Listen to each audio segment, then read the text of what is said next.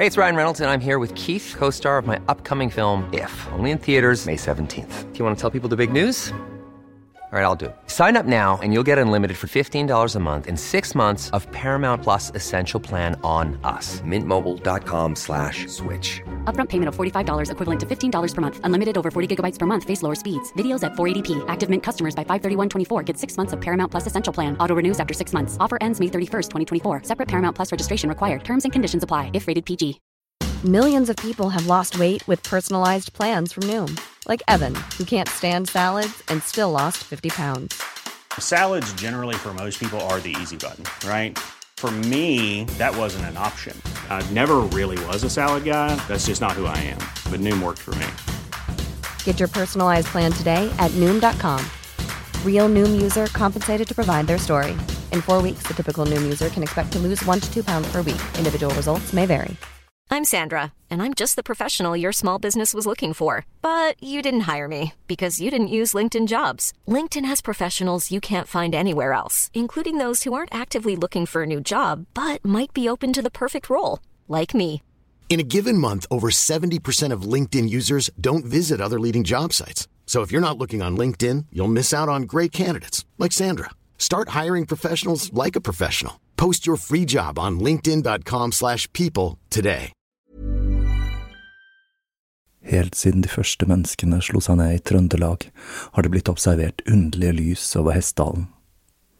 Fenomenet har blitt forsøkt bortforklart som syner sett av bygdetullinger og deliriske hallusinasjoner forårsaket av den lokale drikkekulturen. Men det skulle vise seg at fenomenet stakk langt dypere, når Hessdalen-fenomenet fikk verdensomspennende oppmerksomhet i ufo-miljøet på 1980-tallet. Fenomenet er fremdeles der, og det er fremdeles like uforklarlig som den gang. I 2024 kommer en podkastserie i seks deler, produsert av Project Hessdalen, som kanskje en gang for alle skal finne svar på hva som rører seg på himmelen i denne bortgjemte dalen i Trøndelag. Serien har som seg hør og bør fått tittelen A Blaze in the Northern Sky, og den kommer til din favorittpodkastavspiller i 2024. Film er kunst, som alle andre kunstformer, men den er fremdeles i sine spedbarnsklær. Den har alle forutsetninger for en artistisk opplevelse, like mye som arbeidene til Rodin, Beethoven, Leonardo da Vinci eller Shakespeare. Men dette vil ikke skje i film slik vi kjenner den i dag, men i filmens fremtid. Selv de beste filmene vi har sett så langt, hinter bare om mulighetene film har som kunst. Denne nye kunsten er uavhengig av alle andre kunstformer. Det vil være galt å si at filmkunst er knyttet til maleri, musikk eller litteratur. Nei, den rører ikke disse sjangerne. Ordet som definerer film, er filmatisk. Med filmatisk mener jeg først og fremst bevegelige bilder, noe ingen andre sjangere kan tilby. Bare film består av bevegelige bilder. Den har sine egne lover, og i en kunstnerisk film må alt skapes i henhold til følgende regler. Tema, regi, skuespill, fotografi, scene, lyd og klipping. En absolutt sikker sans for stil er den aller viktigste kvaliteten til en regissør.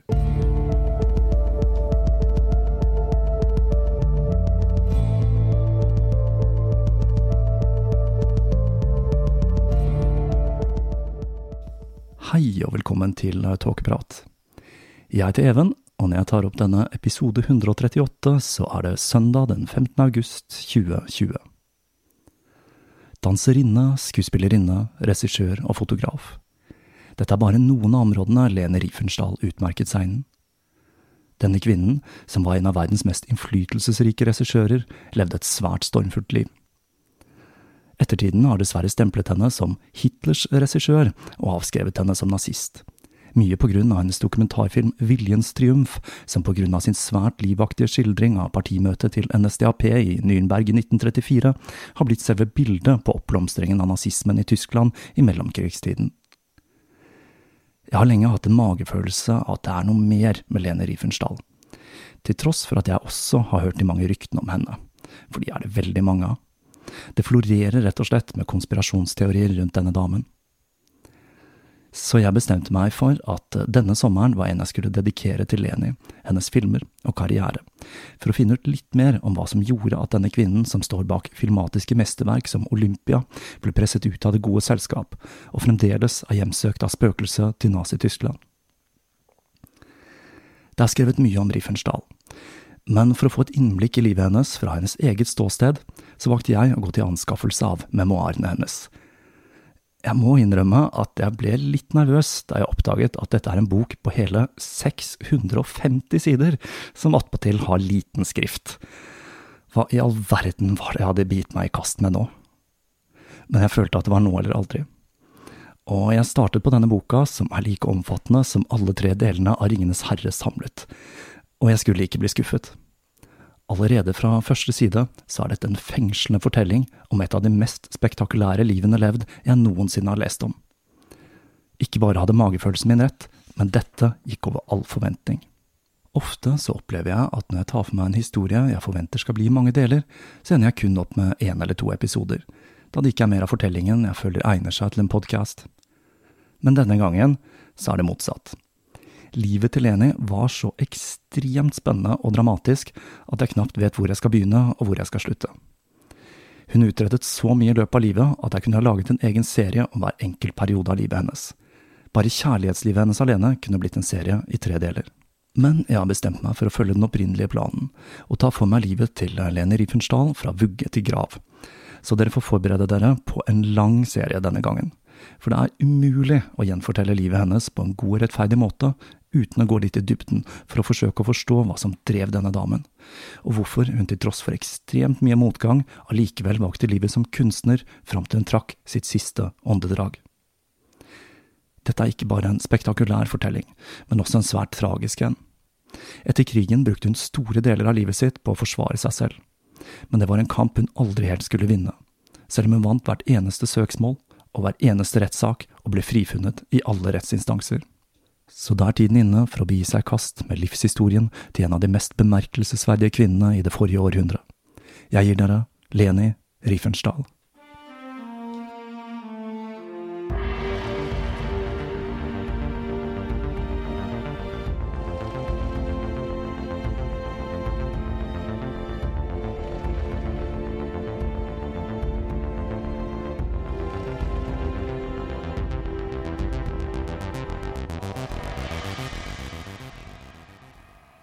Sped, sjeløyd jente med pistrete hår ble født den 22. august 1902. Faren Alfred var en velstående forretningsmann som drev et inneklima- og ventilasjonsfirma, og han hadde møtt moren Bertha på et kostymeball. Faren var hva Leni beskrev som en sterk mann, og han mistet ofte besinnelsen, noe som gikk spesielt hardt utover Leni og moren. I memoarene så er nok Leni noe snill i sin beskrivelse av faren, for man kan lese mellom linjene at fysisk avstraffelse og farens raseriutbrudd var en fast del av oppveksten hennes.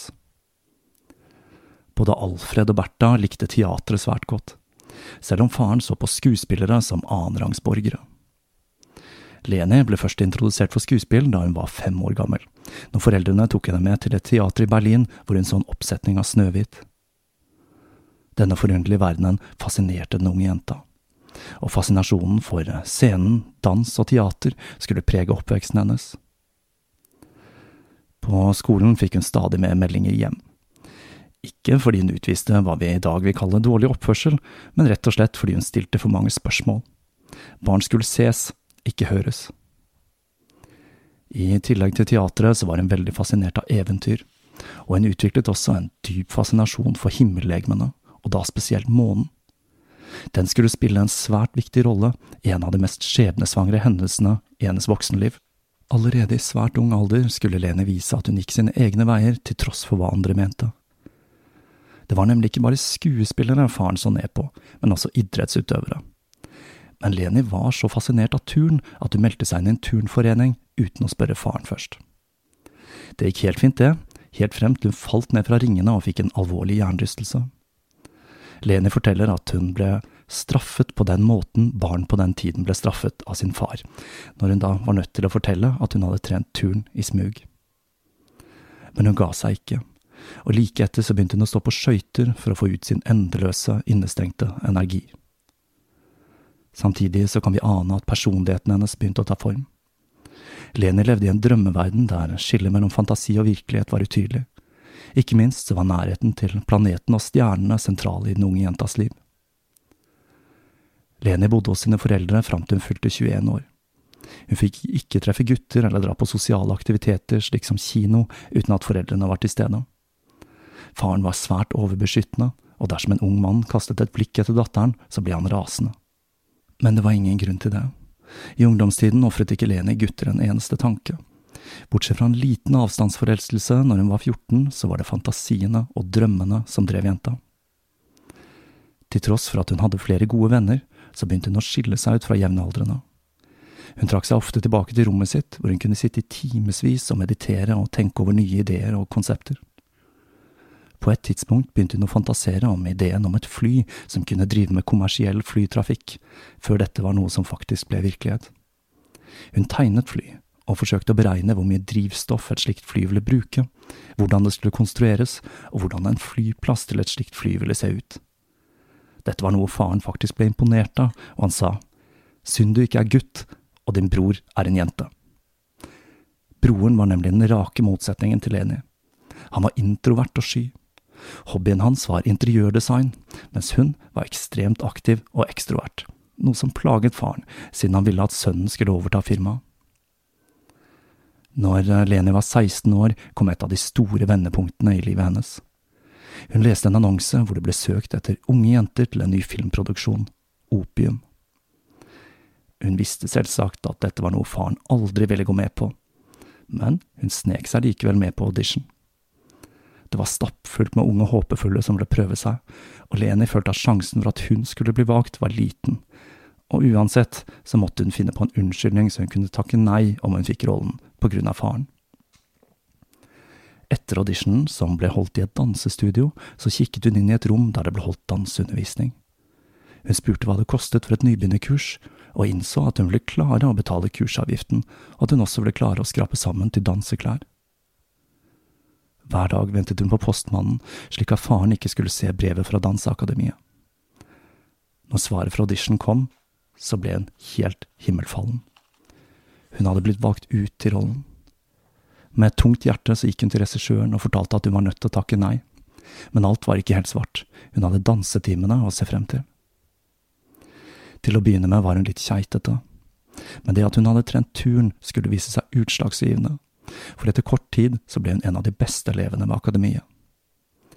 Etter kun tre måneder bestemte hun seg for å begynne med ballett i tillegg, noe som gjorde at hun måtte være på danseakademiet hele fire ganger i uka uten at faren fikk snusen i det. I tillegg så trente hun i hver eneste ledige stund, selv når hun gikk gatelangs, noe som fikk forbipasserende til å riste på hodet. Men Leni var i sin egen drømmeverden. Hun brydde seg ikke om hva andre måtte tenke. 1918 kom.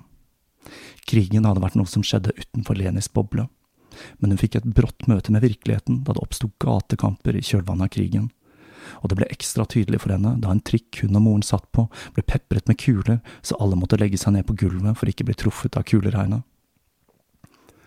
Politikk var noe Leni aldri hadde tatt inn over seg, ei heller nasjonalisme. Det var kosmos, stjernene og månen som opptok den unge jenta. Det jordiske var sjeldent i hennes tanker. Når hun var ferdig med skolegangen i en alder av 16 år, sa faren at han planla å sende henne på en kostskole for å få bukt med disse skuespillernykkene noe hun motvillig sa seg villig til for å bevare husfreden. Det at eh, faren hadde raserianfall og behandlet moren som en slave, gjorde at Leni sverget på å aldri gjøre seg avhengig av noe annet menneske, og dette var noe som skulle prege henne resten av livet. Den første opptreden til Leni var når Anita Berber, en berømt danser fra Berlin og en tidligere student ved skolen, skadet seg før den årlige skoleavslutningen. Leni hadde pugget opptredenen til Anita, og spurte om hun ikke kunne erstatte henne. Frau Grim Reiter, som hadde ansvaret for opptredenen, var først skeptisk. Men etter å ha sett Leni utføre et par av dansene til Anita, så ble hun overbevist om at hun kunne klare det, og hun fikk prøve seg. Moren fikk vite om dette, og hun ordnet det slik at faren var ute og spilte kort den kvelden, slik at han ikke skulle få vite noe. Forestillingen ble en kjempesuksess, og når den rungende applausen skyllet over jenta, visste hun at det var dette, og bare dette, hun skulle dedikere livet sitt til. Men lykken var kortvarig. En venn av familien som hadde sett opptredenen, gratulerte faren, og det gikk skikkelig galt. I et raserianfall tok han kontakt med advokat og forlangte å få en skilsmisse fra Bertha, som han mente hadde forrådt han, slik at datteren hadde gjort noe som han så på som skittent. Lene gråt og ba for sin mor, og hun sa at hun skulle gi opp alt bare han ville bli hos henne. Men faren stolte ikke på løftene hennes, og igjen så truet han med å sende henne på kostskole. Etter dette gikk Lene gjennom hva hun beskriver som et kraftig anfall av kolikk. Det er noe vi skal se i denne historien. Hun led av en del sykdom som satte henne ut av spill i lengre perioder, og spesielt når det var mye dramatikk i livet hennes. Og dramatikk, det er mellomnavnet til den dama her. For å blidgjøre faren sa hun seg villig til å bli innrullert ved et kunstakademi for å lære seg å male. For maling, det var tydeligvis en av de kunstformene faren syntes var bra nok. Men dette var ikke Leni sin vei, og hun sank dypere og dypere inn i en depresjon noe som gjorde at faren begynte å se seg om etter en passende kostskole, og valget falt på Lomanskolen i Tale, hvor hun ble sendt våren 1919. Men det faren ikke hadde tenkt på, var at teater var en del av pensumet på denne skolen, noe som gjorde at Leni fikk forsøke seg både som skuespillerinne og regissør. Og I tillegg så lot bestyrerinnen jentene dra på teateret i Tale, som hadde oppvisninger av klassiske stykker, sånn som Faust. Leni visste hva hun ville når hun hadde fullført året på kostskolen. Lengselen etter scenen var sterkere enn noensinne. For å blidgjøre faren sa hun at hun ville jobbe som sekretær i firmaet hans, noe hun visste at han hadde lyst til, og noe hun tenkte ville gjøre han litt mykere i forhold til å fortsette med dansing. Faren sa seg villig til å la henne trene dans, så lenge hun lovte å holde seg unna scenen. I tillegg til å fortsette med dansingen, så fikk hun lov til å spille tennis på skøyteklubben i Berlin, et sted der faren hadde mange venner som kunne holde et øye med datteren. En gang, mens hun var i garderoben, så åpnet en mann døra og stirret opp og ned på henne før han lukket døra og forsvant. Dette møtet syntes Leni var svært ubehagelig, og da han like etterpå oppdaget at dette var Otto Freudsheim, en av Tysklands beste tennisspillere, som ikke bare hadde et rykte som en ekstremt god tennisspiller, men også som en skjørtejeger av dimensjoner, så bestemte hun seg for aldri å bli en av kvinnene som falt for denne mannen.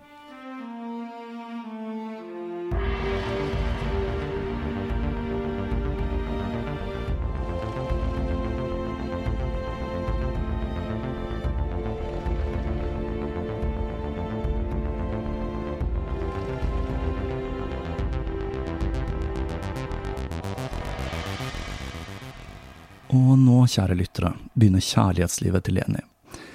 Noe som som sagt kunne vært en egen podkastserie i seg selv.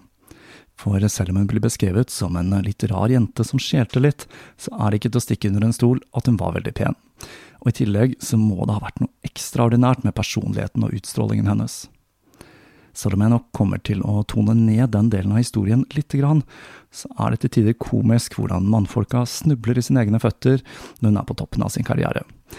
På godt og vondt, må jeg vel si, for det er mye fælt og mye drama som skjedde i den forbindelsen. Den sommeren så dro faren og Leni til et spa i Bad Nauheim. Faren led nemlig av en hjertefeil og pleide å tilbringe noen uker der hvert år.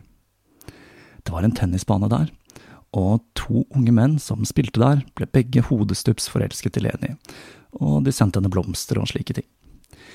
Leni ble litt overrasket da faren syntes dette var helt greit, men dette var kanskje ikke så rart, da disse to var svært velstående. Leni var snart 19 år, og faren syntes det var på høy tid at hun fant seg en ekte mann, og han kunne ikke forstå hvorfor hun takket nei til to så lukrative tilbud. Igjen så ble hun rammet av magesmerter, denne gangen så intense at hun mistet bevisstheten.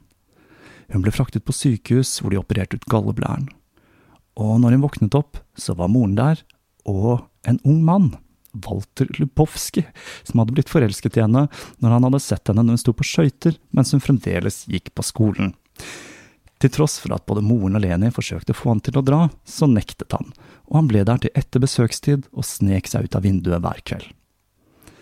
Dag etter dag så dukket han opp, og Leni ble mer og mer irritert over at denne unge mannen ikke klarte å ta et hint. Da hun kom hjem fra sykehusoppholdet, så var faren underlig stille i flere dager, før han plutselig eksploderte. Du prøver bare å lure meg, du har tatt jobben som sekretær for å føre meg bak lyset, du har ingen planer om å holde løftet ditt, du er ikke lenger min datter. Gråtende løp Leni og pakket kofferten. Dette var for mye. Hun bestemte seg for at tiden var inne for å leve sitt eget liv.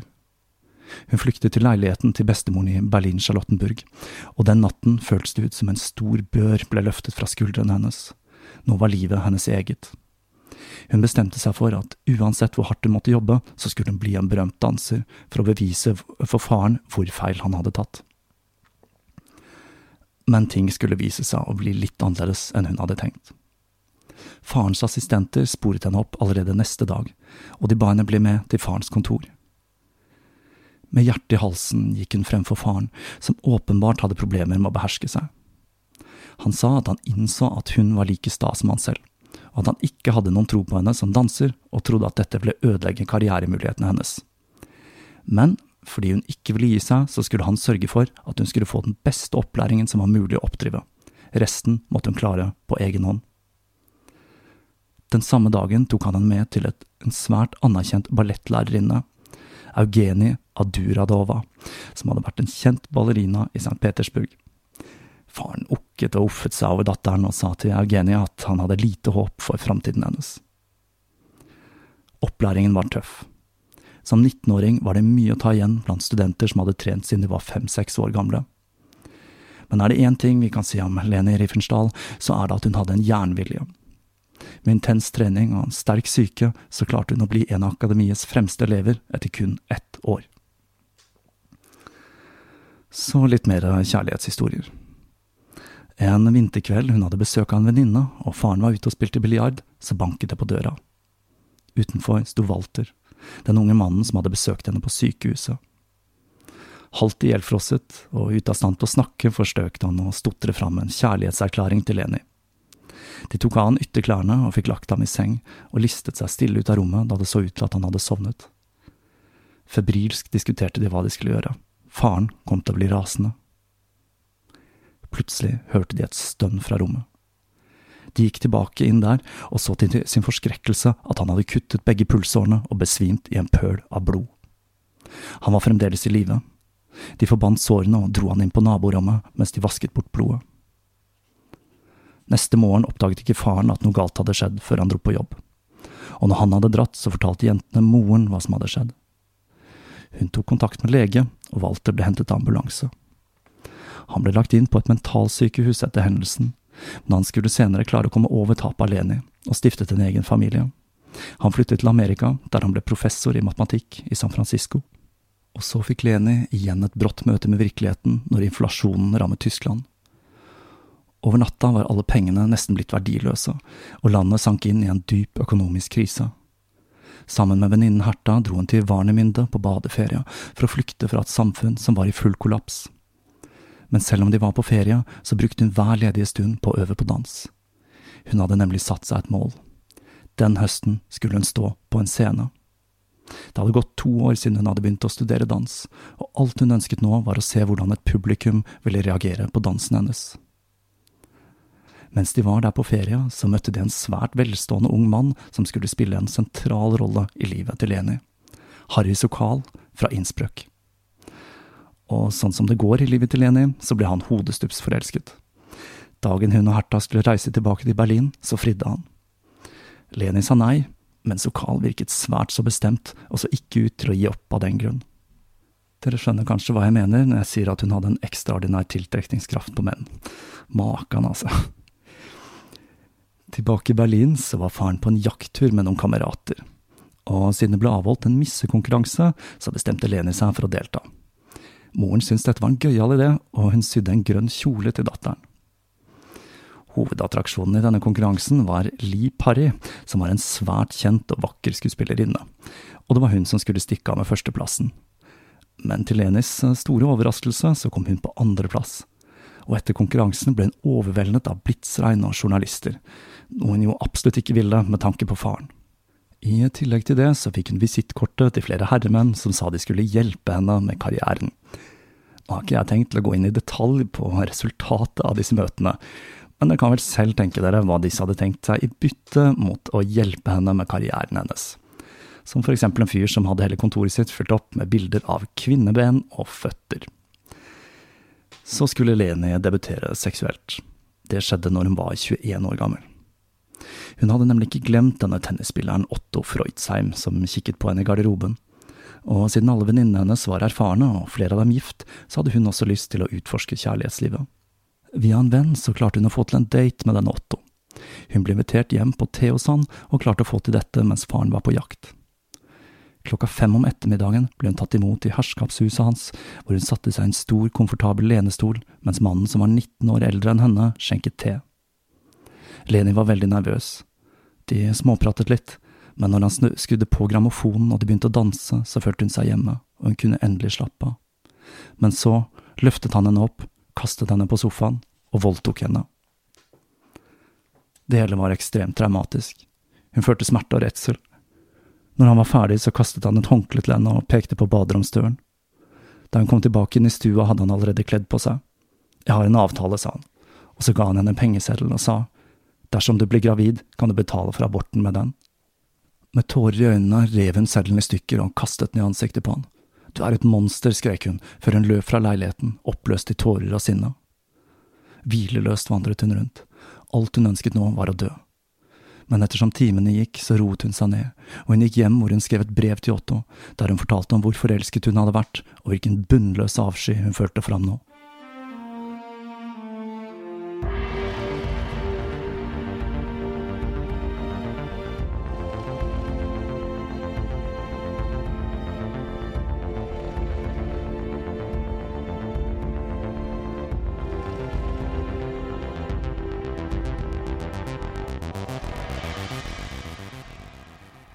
Leni hadde fått nok av Berlin, og til hennes store overraskelse sa faren ja til å innrullere henne ved Wigman-skolen i Dresden. Hun dro dit med moren, og hun leide en liten hybel like ved skolen. Men dansen ved denne skolen skulle vise seg å være for abstrakt for hennes smak, så hun begynte å koreografere egne danser. Hun lagde en syklus på tre danser som het ild, overgivelse og frigivelse. Og så, til hennes store overraskelse, dukket opp en bukett med blomster og et kort fra Otto. Jeg ble så rystet av brevet ditt, kan du tilgi meg, jeg forsto ikke hvor fantastisk du er, skrev han. Så dukket han opp personlig, og det gjorde han igjen og igjen og igjen. Leni beskriver at hun var som hypnotisert. Selv om hun ikke følte noe fysisk når hun var med han, så var hun i hans makt. Han begynte å behandle henne mer og mer slik hennes mor var blitt behandlet av faren, og på den måten hun selv hadde sverget å aldri la seg behandle. Med fare for å være litt hobbypsykolog her, så høres jo denne tennisspilleren veldig ut som en psykopat. Hun avsluttet arbeidet ved skolen i Dresden og fortsatte arbeidet med Eduardova i Berlin, mer intenst enn noensinne. Samtidig så fortsatte hun å utvikle sine egne danser, for faren hadde nemlig sagt seg villig til å betale for en danseoppsetning i Berlin. Den 23. oktober 1923, på høyden av inflasjonen, sto en spent Leni bak scenen på Tonhallen i München. Harry Sokal mente nemlig at hun trengte en generalprøve før den store kvelden i Berlin, og på grunn av inflasjonen så hadde han leid dette lokalet for kun én amerikansk dollar. Og selv om vi senere skal se at Leni nektet å ta imot denne typen finansiell hjelp, så takket hun ja denne gangen. Kun en tredjedel av salen var fylt opp for å se denne ukjente jenta fremføre egen koreograferte danser, og flere i salen hadde fått gratisbilletter. Det at salen var ganske glissen, plaget ikke Leni. Alt hun ville, var å stå på en scene og se på reaksjonen til publikum. Og det sto ikke på begeistring. De var så elleville at etter hun var ferdig, så måtte hun danse igjen og igjen og igjen, og hun ga seg ikke før hun var fullstendig utslitt. Når hun sto på scenen i Berlin, i Blücherhallen, var det ikke lenger glissent i salen. Hun danset foran en fullsatt sal, og hun visste at hun nå hadde muligheten til å motbevise faren som hadde så liten tro på hennes talent som danser. På samme måte som i München, så ble publikummet elleville av dansen til denne nykommeren. Da hun var ferdig, så gikk hun av scenen til rungende applaus, og kanskje best av alt, faren hadde ikke bare tilgitt henne, men han sa at han nå trodde at hun hadde en reell mulighet til å leve av en karriere som danser. Den neste dagen var hun på forsiden av alle avisene i Berlin. Over natten var Lene Riefenstahl blitt en stjerne, og tilbudene haglet inn fra alle kanter. En av de første som engasjerte henne, var Max Reinhardt, eieren av Deutsches Theater, et av de mest prestisjetunge teaterne i Tyskland. Leni danset der seks kvelder, og dette var første gang en danser hadde vært hovedattraksjon i teatret. Så var det ut på Tysklandsturné. Hun opptrådde i alle de store tyske byene, før utlandet også meldte sin interesse, og hun opptredde i Praha og Zürich. Det er kanskje en litt artig sidenote at det var moren som sydde alle kostymene hun brukte i denne perioden. Dette var selvsagt enormt fysisk utmattende. Hun hadde en forestilling hver eneste kveld, og det var ikke tid til privatliv. Verden lå nå for hennes føtter. Hun var det nye talentet som var på alles lepper. Alle forestillingene ble utsolgt, og hver eneste kveld ble det ropt en kår. Publikum fikk aldri nok. I denne perioden begynte hun også å bli tilbudt skuespillerroller, og meget godt betalte sådan. Men det var dansen hun levde for, og hun takket nei selv om hun ble svært fristet og var fascinert av film som et kunstnerisk uttrykk. Når hun fylte 21, flyttet hun hjemmefra og leide en liten leilighet i Fasanenstrasse like ved Kurfürstendam. I februar 1924 la hun ut på en turné til Zürich, Paris og London. Etter forestillingen i Zürich banket det på døra til hotellrommet hennes. Leni åpnet, og der sto Harry Sokal, som spurte om han ikke kunne komme inn. Hun nektet og sa hun var sliten, og at hun ikke ville slippe inn en mann på rommet så sent. Det hele endte med at han begynte å hyle og skrike og truet med å ta livet av seg, og Leni ble så redd at hun søkte tilflukt på rommet til Herta, som hadde blitt med på turneen, og der ble hun til neste morgen. Hun ble lettet da hun fikk høre at eh, Sokal hadde dratt fra byen dagen etter, og han hadde lagt igjen et brev der han ba om unnskyldning for oppførselen sin, og han skrev at han håpte at dette ikke ville ødelegge vennskapet deres. I tillegg så hadde han bestilt et utvalg med klær som ble levert til rommet hennes, og hun kunne velge de hun likte og sendt tilbake de hun ikke ville ha. Og så var det en ting til. Han skrev at det var han som hadde finansiert oppvisningene hennes i London og Paris. Det ble ikke tatt godt imot av Leni, som ville være uavhengig. Så til tross for at hun var fristet av de vakre klærne og muligheten til å opptrå i London og Paris, så sendte hun dem tilbake og avlyste forestillingen i de to byene.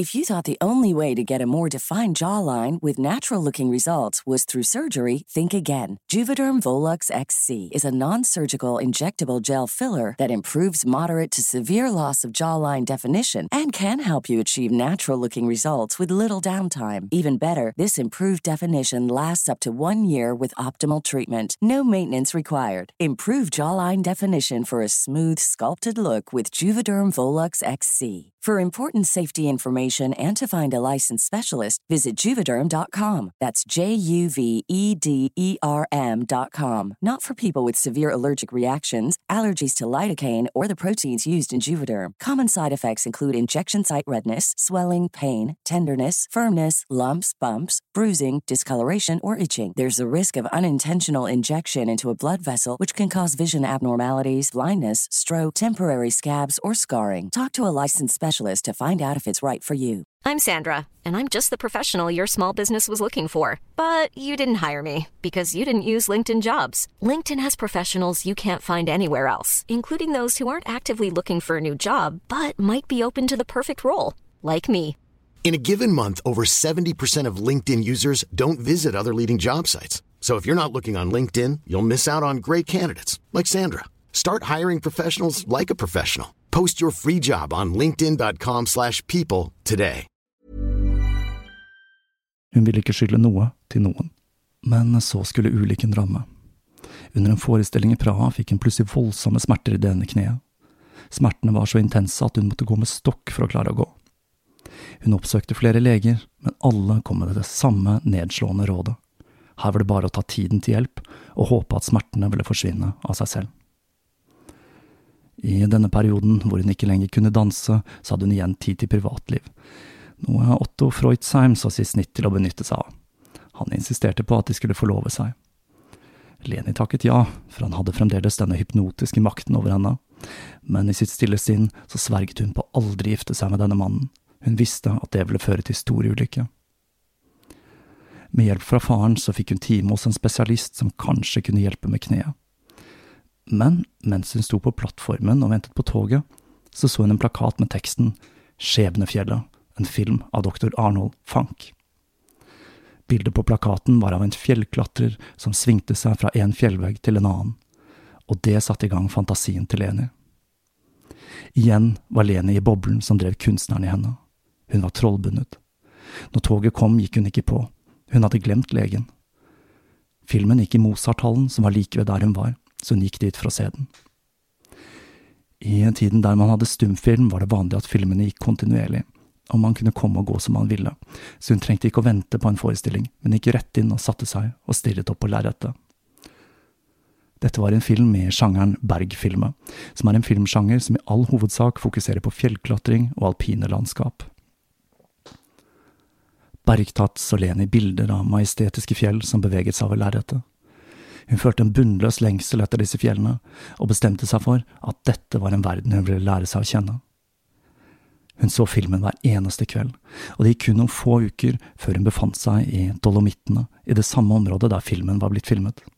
I fire uker utforsket hun denne eventyrverdenen, og så en kveld viste hotellet hun bodde på, Skjebnefjellet, og hun fikk vite at hovedrolleinnehaveren, Louis Trenker, var til stede under visningen. Etter filmen fikk hun øye på han, og selv om hun først var litt sjenert, så boblet hun snart over av entusiasme og skryt av filmen som hadde gjort et så sterkt inntrykk på henne. Og så bare glapp det ut. Jeg skal være med i den neste filmen din, sa hun. Trenker løftet et høyebryn og sa kan du klatre? En elegant liten dame som deg burde ikke sprette rundt i fjellene. Jeg kan lære, jeg kan definitivt lære, svarte hun, før smerten i kneet gjorde at hun krøket seg sammen, og Trenker trakk seg tilbake med et ironisk smil. Når hun kom tilbake til Berlin, så klarte hun å arrangere et møte med Arnold Fank via en bekjent. Fank var alt annet enn entusiastisk, men han ba henne sende noen bilder og utklippe anmeldelser av danseforestillingene hennes. Men så var det kneet, da. Hun hadde møtt en ung kirurg på tennisbanen, doktor Pribram, som hadde lovet å ta et røntgenbilde av kneet hennes. Men når hun oppsøkte han, så nektet han først. Leni tagg, gråt og ba, og til slutt så ga han etter. Bildet viste at hun hadde en klump med brusk på størrelse med en valnøtt i kneet. Det å operere ut denne var en svært avansert operasjon som fort kunne gå galt, men Leni insisterte, hun var villig til å ta sjansen. Tre dager etter operasjonen, når hun lå med kneet i gips, fikk hun uventet besøk. Det var Fank.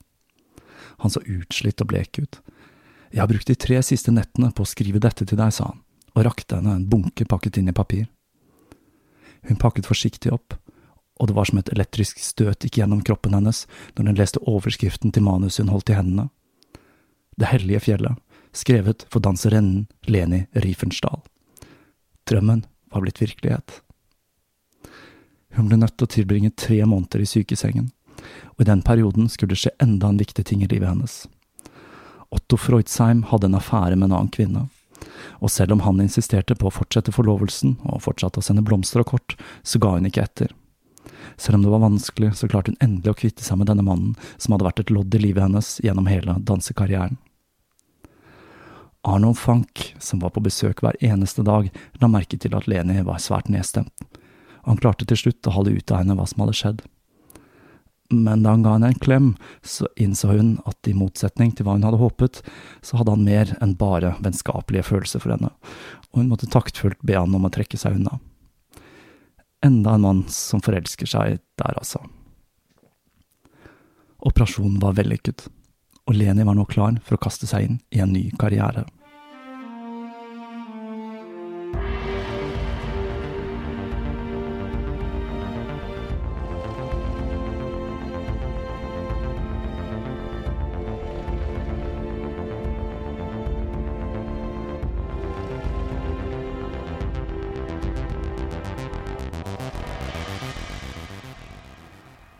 Sykehusoppholdet gjorde noen testscener før de satte av datoen for filmingen, som skulle vare i tre måneder. UFA, eller Universum Film Actiongesellschaft, det største tyske filmselskapet, som var de som finansierte filmen, skaffet til og med til veie et piano som skulle fraktes opp til hytten der filmteamet skulle bo i de tre månedene, slik at Leni kunne fortsette å øve dans mens de filmet. Lenis spådom hadde blitt virkelighet, for hun skulle spille sammen med Louis Trenker akkurat slik hun hadde fortalt ham sist de møttes. Men dette var starten på et trekantdrama. Når de skulle feire filmen en kveld, så ble det litt fuktig, og mens Fank gikk ut av rommet en liten tur, så omfavnet Trenker Leni. Når Fank kom inn og så dette, så ble det selvsagt full krise, og de to mennene kranglet om hvem som skulle føre henne hjem. Det endte opp med at det ble Fank, som etter å ha erklært sin udødelige kjærlighet for Leni, forsøkte å ta livet av seg og løpe ut i en elv for å drukne seg. Leni klarte å holde han igjen, og fikk han inn i en taxi og kjørte ham på sykehuset. Hun var nervøs for at dette betydde slutten for filmen, men hun hadde ikke trengt å bekymre seg, for hun fikk snart både blomster og kort fra begge mennene. De skulle filme i Sveits, og det aller første hun trengte å lære seg, var å gå på ski. Men da skulle ulykken ramme atter en gang. På en av de første treningsturene så falt hun og brakk ankelen kun noen få dager før de skulle begynne å filme.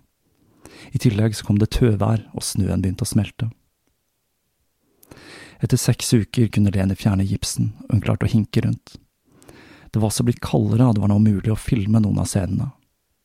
Hun ble dypt fascinert av arbeidet til Fank, og han fortalte henne hvordan han tenkte når han lagde film, hvordan han forsøkte å ikke følge rutiner, men alltid tenke nytt. Hun fikk også prøve seg bak kamera, lærte om ulike filmtyper, filtre og objektiver. Det var som en åpenbaring for henne. I en film spiller individet en liten rolle. Det er det kollektive arbeidet som gir resultatet. Hvis kun én person gjør en dårlig jobb, så vil det endelige verket lide. Og så dukket Harry Sokal opp. Han hadde nemlig ikke gitt opp forsøket på å vinne Lenny. Fank hadde heller ikke gitt opp, men hun på sin side hadde forelsket seg i Trenker men de to var nødt til å skjule dette gryende forholdet, slik at Fank ikke igjen skulle forsøke å ta livet av seg. Og det skulle dukke opp enda flere menn og bli enda mer sjalusi. Men uansett hvor fristende det er å gå inn i produksjonen av Det hellige fjellet, som ironisk nok er en film der sjalusi er hovedtema, så må jeg nok la den ligge om vi skal komme oss gjennom resten av livet til denne bemerkelsesverdige damen. Men det jeg føler er vesentlig å få med her, er at dette var en tid lenge før HMS og CGI. Alle stuntene ble utført av skuespillerne selv. For eksempel så er det en scene der Lenis karakter, Diotima, blir begravet av et snøskred. For å filme denne scenen så plasserte de henne på et sted der de forventet at det ville gå et skred, og så ventet de til skredet kom og hun ble begravet, noe som selvsagt var ekstremt farlig og mildt sagt traumatisk for Leni Riefenstahl. Jeg så for øvrig denne filmen i sommer, og jeg kan ikke si annet enn at det var utrolig kult å se den etter å ha gått gjennom bakgrunnshistorien til filmen. Her får man blant annet se Riefenstahl danse, noe som er veldig stilig etter å ha gått så dypt inn i livshistorien hennes. Men tilbake til historien vår. Den 14. desember 1926 hadde Det hellige fjellet premiere. Filmen ble en braksuksess, og Leni fikk tilsendt utallige blomster og gratulasjonskort. Men det var verre med privatlivet. På grunn av spenningene under innspillingen hadde Trenker vendt Leni og Fank ryggen. Og han gjorde intervjuer der han sa at Leni hadde hatt en svært negativ påvirkning på Fank, og at hun ødela hans artistiske sans. Trenker virket så oppriktig at doktor Roland Schacht, en av de mest anerkjente filmkritikerne i Berlin, siterte Trenker i sin anmeldelse av filmen. Til tross for at filmen fikk strålende kritikk ellers, så var dette et hardt slag for Leni og Fank men til tross for svertingen så ble filmen en kassasuksess. Og etter sjokket over kritikken fra Trenker hadde lagt seg, begynte Fank å jobbe på en ny film, Det store hoppet, som skulle være en komedie som foregikk i fjellene, og han spurte Leni om hun ikke ville ha en rolle i hans nye produksjon. Leni trengte litt betenkningstid. Om hun gjorde dette, så visste hun at hun måtte legge dansekarrieren på hylla. Hun var 24 år gammel, og alle skadene og den lange pausen fra dans gjorde at det allerede nå ville være svært vanskelig å ta igjen det tapte. I mellomtiden leide hun en stor treroms leilighet i sjette etasje i Berlin. Men det var et hår i suppa. Harry Sokal leide seg nemlig en leilighet i samme etasje. Han hadde nemlig ikke gitt opp håpet helt enda. Han hadde til og med startet sitt eget filmselskap, som produserte filmer som den meget anerkjente Golem. I denne nye filmen ville Fanke at kameramannen hans, Schneberger, som hadde kallenavnet Snøloppa fordi han var så god på ski, skulle ha en rolle. Han nektet først, men til ingen nytte. Fank insisterte på at han skulle ha denne rollen, som innebar stuntkjøring med en oppblåsbar drakt. Dette var tross alt en komedie. I tillegg så klarte Funk og Trenker å begrave stridsøksa for en stund, og Trenker fikk også en rolle i den nye produksjonen. En dag ba Fank Leni om å dra på en tur til Dolomittene med Sneberger, som i tillegg til å være god på ski, var en svært dyktig klatrer. Fank ville nemlig at Leni skulle lære seg fjellklatring. Snøloppa hadde vært med på innspillingen av Det hellige fjellet. og slik som det gikk med alle mennene i Lenis omgangskrets, så forelsket han seg, og denne gangen var de gjensidige. De to utviklet etter hvert et forhold, og de var uatskillelige, og dette ble raskt et svært intenst forhold. Leni skriver at selv om han var syv år eldre, så var han den passive partneren og hun den aktive. De utfylte hverandre. Trenker, Fank og Sokal var alle klar over dette, men det forhindret dem ikke fra å sende blomster og kort. Når de to dro av gårde for å begynne klatreopplæringen, sa Fank, husk, du må lære å klatre barfot, det er det karakteren din gjør. Og hun lærte. På grunn av den intense treningen med dans viste det seg raskt at hun hadde talent for fjellklatring, og hun ble fort dyktig. Men barfotklatring, det var en helt annen sak. Hun gikk barfot i ukevis på ulike underlag for å herde føttene, men det forhindret ikke at hun begynte å silblø fra fotsålene under innspillingen av filmen. Det var i denne perioden Leni følte at hun ville noe mer. Det å bare spille i en film og gå rundt og vente på at en scener skulle spilles inn, var ikke nok. Hun ville mer. Og i skjul begynte hun å skrive egne manus. Det første var Maria, en kjærlighetshistorie med en tragisk slutt. Men hun skrev bare for seg selv, og viste det ikke til noen selv ikke til Sneberget. Den neste filmen Leni skulle være involvert i, var Arnold Fanks Det hvite helvete i Piss Paly, som skulle produseres av ingen ringere enn Harry Sokal, som i motsetning til Fank betalte skuespillerne svært dårlig. Innspillingen av denne filmen skulle bli svært dramatisk, og de fikk virkelig oppleve Det hvite helvete, der de spilte inn i sprengkulda, tok opp scener der de krøp over bresprekker og var nære ved å miste livet i snøstormer. Filmen ble en refleksjon av de virkelige prøvelsene de måtte gjennom. I løpet av denne perioden skulle Leni møte et par mennesker som ble svært viktige i livet hennes. Den ene var stuntflygeren Ernst Udett, som hadde flydd med Göring i Richthofen-skvadronen i første verdenskrig, og som elsket å tegne karikaturer og gjøre narr av Göring. Han sa seg villig til å bli med i filmen, men han skulle også ha med seg litt negativ bagasje. Han var nemlig en skikkelig skjørtejeger, og han stusset litt over at uh, Leni og Sneberger hadde et så intenst kjærlighetsforhold at de aldri forlot hverandres side. Og siden Snølåpa hadde tjenestegjort i den østerrikske hæren, så ble de to straks gode venner, noe Leni ble litt skeptisk til. Udette forsøkte først å overbevise Leni om at forholdet ville ødelegge karrieren hennes, men det ville hun ikke høre noe av. Men som vi snart skal se, så hadde nok Udette en viss påvirkningskraft på Snølåpa og han overtalte Sokal til å innlosjere ham på et annet hotell enn resten av crewet. Noe som gjorde at Fang så sitt snitt til å skrive dikt og kjærlighetsbrev til Leni hver eneste dag i et forsøk på å vinne henne, til hennes store irritasjon. En annen person som var viktig for Lenis kunstneriske utvikling, dukket opp i denne perioden. Filmskaperen G.W. Pabst. Leni møtte denne mannen, og fikk det for seg at hun skulle spørre Fank og Sokal om han kunne være med på å regissere scenene med skuespill i filmen, mens Fank kunne stå for natur- og klatrescenene. De sa seg villige, og Pabst viste seg å se et par ting i Leni den forelskede Fank ikke så. Fank ville gjerne fremstille henne som en naiv og forsiktig karakter, men Pabst så at dette var stikk i strid med personligheten til Leni. Samtidig så var han den første som innså at hun hadde talent som regissør.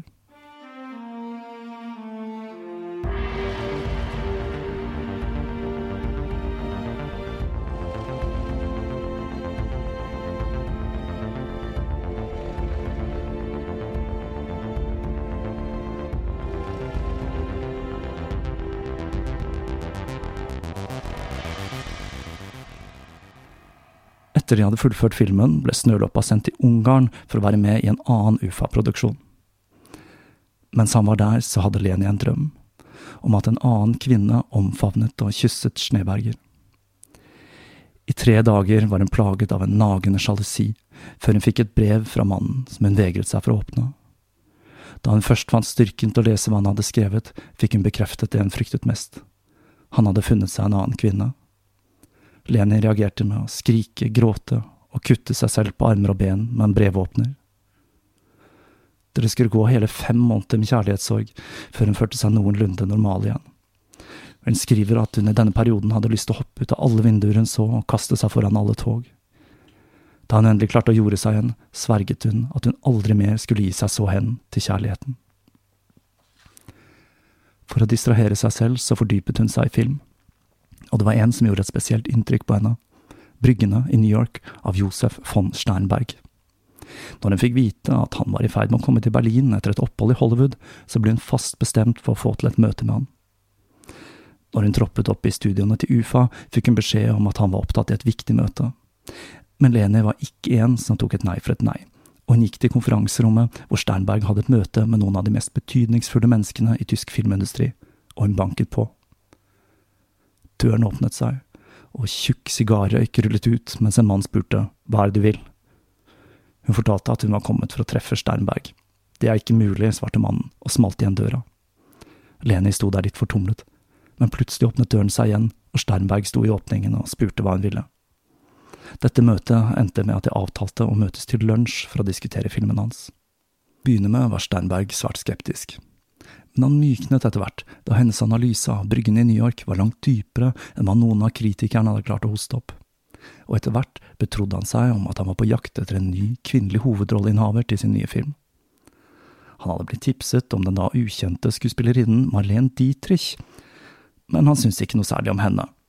Men etter hvert skulle han la seg overtale til å gi henne hovedrollen. Dette skulle bli starten på et vennskap som for en gangs skyld ikke utviklet seg til en romanse, og Leni fikk lov til å være med på innspillingen av den nye filmen hans, Den blå engelen, hvor hun fikk studere teknikkene han brukte. Marlene Dietrich var derimot ikke spesielt begeistret for Leni. Hun var ekshibisjonist og hadde i tillegg et godt øye til Sternberg, og hun likte dårlig at det var andre på settet som stjal oppmerksomhet fra henne. Og til slutt så krevde hun at Leni ikke skulle være til stede under innspillingen, og til slutt fikk hun viljen sin. Harry Sokal hadde, i hvert fall midlertidig, gitt opp Leni, og han hadde innledet et forhold til filmstjernen grevinne Agnes Esterhazy. Han kom med et overraskende tilbud til henne. Han ville at hun skulle dra til Paris og klippe om Det hvite helvete i Piss Paris for den franske distributøren. Leni sa som sant var at hun aldri hadde klippet før, men det skulle ikke så mye overtalelse til, for dette var noe hun virkelig hadde lyst til å prøve seg på. Det eneste negative med det hele var at oppdraget var som alltid med Sokal svært dårlig betalt. Lenis klipp av filmen ble en suksess men dette var noe som skulle surne forholdet til Fank, som mente hun hadde forrådt ham med å tukle med kunstverket hans. Filmen ble uansett en kjempesuksess, men til tross for at Leni nå var en stjerne, så var hun blakk. Sokal var jo veldig gnien, og hun hadde ikke fått rare greiene for innspillingen av Det hvite helvete, og summen hun fikk for klippingen var mer symbolsk. Hun så ingen annen mulighet enn å spørre Sokal om et lån så hun kunne betale husleien sin. Men da hun dukket opp på kontoret hans, så sa han du er en så pen pike, du kan sikkert tjene gode penger på gata. Leni skrek til han, du er avskyelig, og spyttet han i ansiktet. Pengeproblemer er en annen faktor som skulle prege store deler av livet til Leni Riefensdahl. Etter å ha jobbet enda mer som skuespiller for Arnold Fank og hans Berg-filmer, måtte Leni igjen spørre seg om hun følte seg tilfreds med livet som skuespillerinne, og svaret hun kom fram til, det var nei. Det var ikke nok å stå foran kamera. Hun hadde en glødende interesse for alt som var med for å skape en god film. Filmtyper, filtre, objektiver, og ikke minst klipping og regi. Det var prosessen hun var interessert i. Hun begynte å betrakte verden rundt seg som sett gjennom et kamera, og begynte å lengte mer og mer etter å skape sine egne filmer. Vi har allerede sett hvordan det er en slags mystisk rød tråd i livet til Leni, fra hennes fascinasjon for stjerner, planeter og månen, til hvordan hun sanndrømmer om hvordan Sneberger hadde funnet en annen. For igjen så ble hun hjemsøkt av sterke drømmer. Denne gangen så hun en ung jente, et naturbarn som levde i fjellene. Hun så hvordan hun klatret i månelyset, hvordan hun ble jaget og kastet stein etter, og hvordan hun til slutt falt ned fra en klippe og mistet livet. Bildene ble sterkere og sterkere for hver natt, og til slutt så bestemte hun seg for å gjøre om drømmen til et manus. Hun valgte å kalle dette Det blå lyset, og jenta ga hun navnet Junta, uten at hun helt visste hvorfor, hun hadde aldri hørt dette navnet før. Hun viste det frem til venner som alle var enige om at dette var en god historie, og så begynte hun å lete etter noen som kunne være med på å gjøre drømmen om å lage denne filmen til virkelighet. Tilbakemeldingen hun fikk, var at det ville bli svært kostbart å lage en film av denne typen. Bare kulissene alene ville koste en formue. Men Leni fortalte at hun slett ikke ville filme i studio. Det hele skulle filmes utendørs, og kun med naturlig lys og fargefilter på kamera. Hun ønsket å skape en slags drømmeaktig eventyrverden uten bruk av kunstige kulisser eller for mange profesjonelle skuespillere. Jo mer hun tenkte på det, jo mer ble det klart for henne at dette var noe hun måtte gjøre. Utfordringen var finansieringen. Til å begynne med var en av de største finansielle utfordringene å finne en egnet regissør. Hun tenkte rett og slett ikke på at hun kunne ta den rollen selv. Sneberger sa seg utrolig nok villig til å være kameramann. Kun to år hadde gått siden det smertefulle bruddet, men Lenis sår var leget, og hun følte ikke lenger bitterhet overfor mannen som hadde stått henne så nære. Det å ha en så kjent kameramann som Sneberger gjorde også at det var lettere å få med flere i crewet for en relativt lav lønn, da det var litt status å jobbe med en filmveteran som Snøloppa.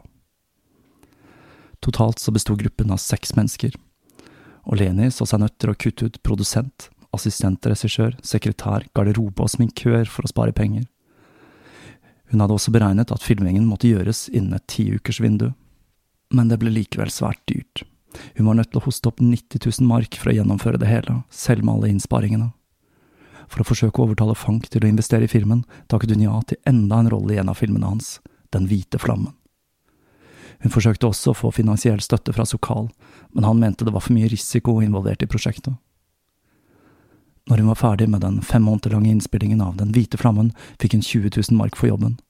Nå var det bare 70 000 igjen. Hun levde så sparsommelig hun bare kunne, så hun kunne bruke hver eneste mark hun tjente på å realisere drømmen sin. For finansiell støtte fra utsiden, det var det dårlig med. Ingen hadde troen på filmen som de mente var for stille og for drømmende. På den tekniske siden gikk det litt bedre. Hun signerte en kontrakt med Agfa, som hun mente lagde den mest egnede filmtypen for den typen filter hun hadde tenkt å bruke for å få til den drømmeaktige effekten hun så for seg. Tidlig i livet hadde Leni sverget på å aldri gjøre seg avhengig av andre, og denne gangen skulle hun være tro mot den eden. Hun solgte alle smykkene, all kunsten og det meste av det hun eide, og pantsatte til og med leiligheten sin. Hun innså også at hun aldri ville få råd til å hyre en regissør, og bestemte seg for å gjøre jobben selv. Hun hadde funnet det perfekte stedet for innspillingen, den lille grenda Foruglia i Sveits, og fjellet som er fokus i filmen, er Crozon i Dolomittene. Hun hadde altså få skuespillere i filmen. Hovedrollen som Junta var en hun skulle spille selv men manuset krevde at hun måtte ha med seg et femtitalls bønder, og dette kunne ikke være en hvilken som helst type bønder. Det måtte være noe eventyraktig og stilsikkert over disse, og samme hvor mye hun lette, så kunne hun ikke finne noen som var slik som hun hadde forestilt seg.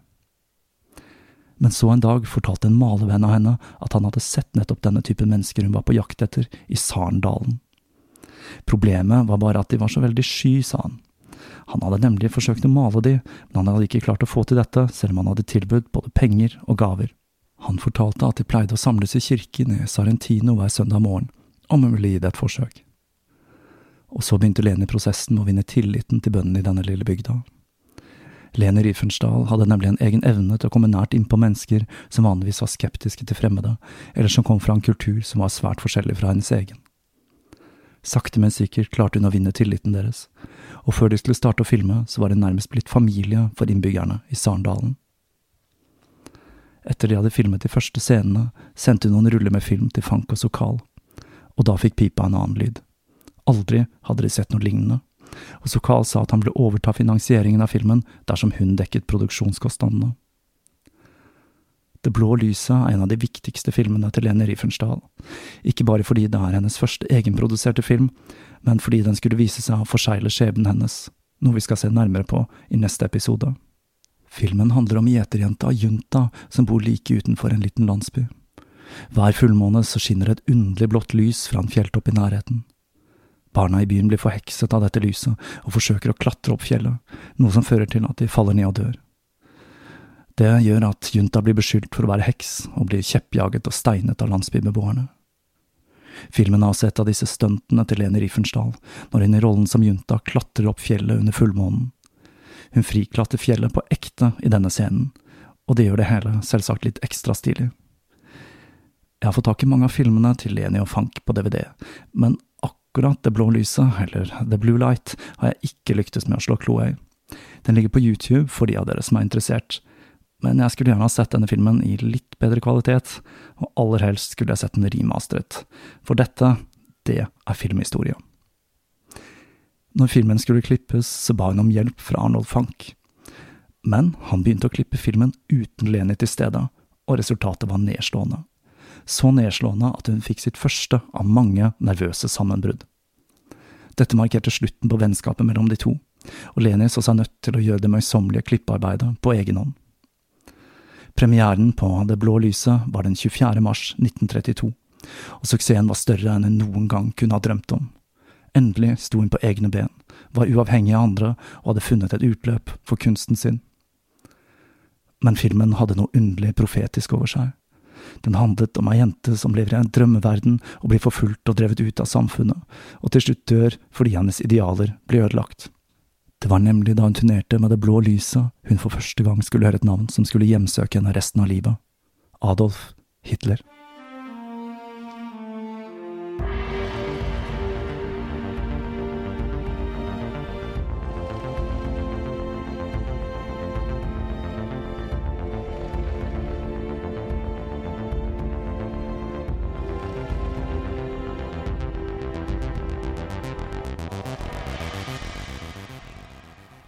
Det var slutten på den første delen i en serie om et liv som går selveste Alistair Crowley en høy gang. Som jeg sa innledningsvis, så ble jeg litt bekymret når jeg så hvor omfattende livet til Leni Riefenstahl faktisk var. Men nå som jeg har kommet meg gjennom denne første delen, så kan jeg ikke annet enn å glede meg til å ta fatt på det neste kapitlet i livet til denne damen. Jeg håper jeg har klart å tegne et bilde av hvem Leni var, nå før jeg skal ta fatt på den delen av livet hennes som skulle gjøre at hun ble en paria, en som ble uglesett i det gode selskap fram til hennes død. Dette blir nok en svært lang serie. Vi har bare så vidt begynt å pirke overflaten på livet til denne damen. For selv om hun allerede hadde utmerket seg som danser, skuespillerinne og regissør, så hadde hun bare så vidt begynt på hva som var et bemerkelsesverdig liv. Nå var det godt å komme i gang igjen. Denne episoden blir spilt inn og gitt ut på en søndag, men det kan hende at jeg legger meg på å gi ut episoden i denne serien ettersom de blir ferdige, og ikke på faste dager. Jeg har en litt annerledes jobbhverdag nå i høst, og må forsøke å finne en rytme mellom jobb, podkast og privatliv som harmonerer på en god måte. Men podkast, det blir det. Så fram til neste episode så vil jeg rette en spesiell takk til alle dere patrions der ute. Denne frivillige abonnementstjenesten er faktisk den eneste faste inntekten jeg har fra de utallige timene jeg bruker på å sy sammen denne podkasten.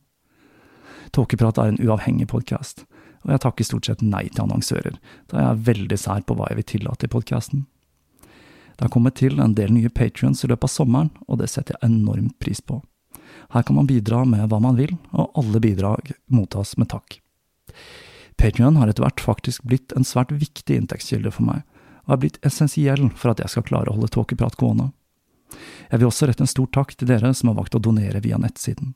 Det er også et alternativ for de som ikke ønsker å bruke Patrion. Samtidig så vil jeg minne om at jeg har en nettbutikk som dere finner på tåkeprat.com. Det begynner å bli litt glissent der, og jeg har kun et veldig begrenset utvalg av T-skjorter igjen. Og lageret av Tåkeprats egen skjeggpomade blir stadig mindre takket være engasjerte lyttere, og ikke minst meg selv. Dette er et kosmetisk produkt jeg selv bruker hver dag. Utover det så vil jeg som vanlig oppfordre til å tipse venner og kjente, og spre podkasten i sosiale medier, og også gi den en god rating der dere hører på den. Det er med å gjøre den synlig. Det er slik en uavhengig podkast som Tåkeprat vokser, organisk.